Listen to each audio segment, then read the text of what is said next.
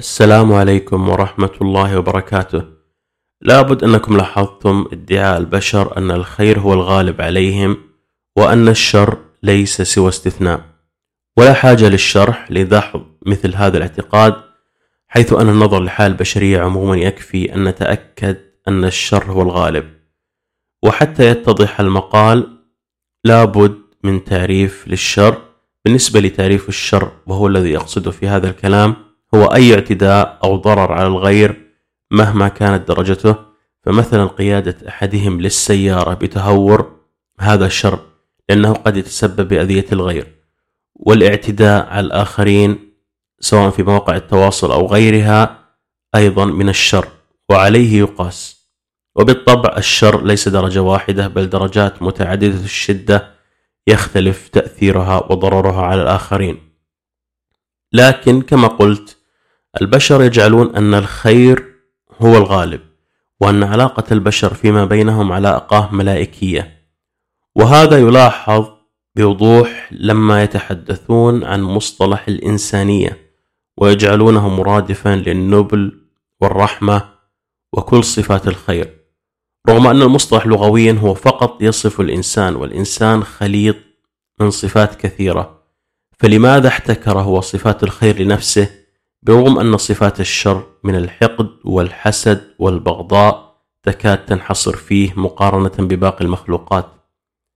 لكن حقيقة المشكلة ليست لغوية، المشكلة أكبر من هذا بكثير وهي أن هذا الفعل بحد ذاته يساهم في انتشار الشر. لكن كيف ذلك؟ ببساطة حينما يعتبر البشر أنفسهم خيرين وأن هذا هو جوهرهم فمن الطبيعي أنهم لن ينتبهوا لتصرفاتهم السيئة أو أنهم قد يحاولون إيجاد تبريرات واهية لها. وهذا يؤدي إلى برمجتهم على أنهم خيرين وأن الشر ليس سوى استثناء فبالتالي من الطبيعي أن يستثنوا أنفسهم من هذا الشر. لكن لو تبنى البشر وجهة النظر المتضادة وهي التي أتبناها شخصيا أن البشر ميالين للشر وأن الخير هو الاستثناء. هذا سيجعل الإنسان أكثر حرص ومراجعة لأفعاله خصوصا تجاه المقربين منه كعائلته وأصدقائه وأيضا تجاه الأضعف منه. فلا بد أن الإنسان يراجع هذا المفهوم ولا يعيش بتلقائية كالروبوت ويعتبر أفعاله صحيحة تماما. لكن للأسف مفهوم الإنسانية وغلبة الخير يحول دون هذا.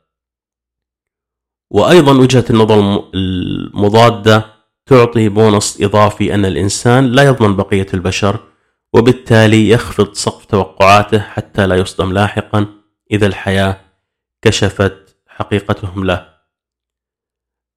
الخلاصة حينما توقن أن نفسك قادرة على فعل أي شيء هذا يجعلك أكثر حرصا على ضبطها والابتعاد عما يمكن أن يؤدي للأفعال التي تكرهها. بعكس الثقة المطلقة والتي تجعلك قد تغوص في تلك الأفعال وأنت لا تدرك ذلك.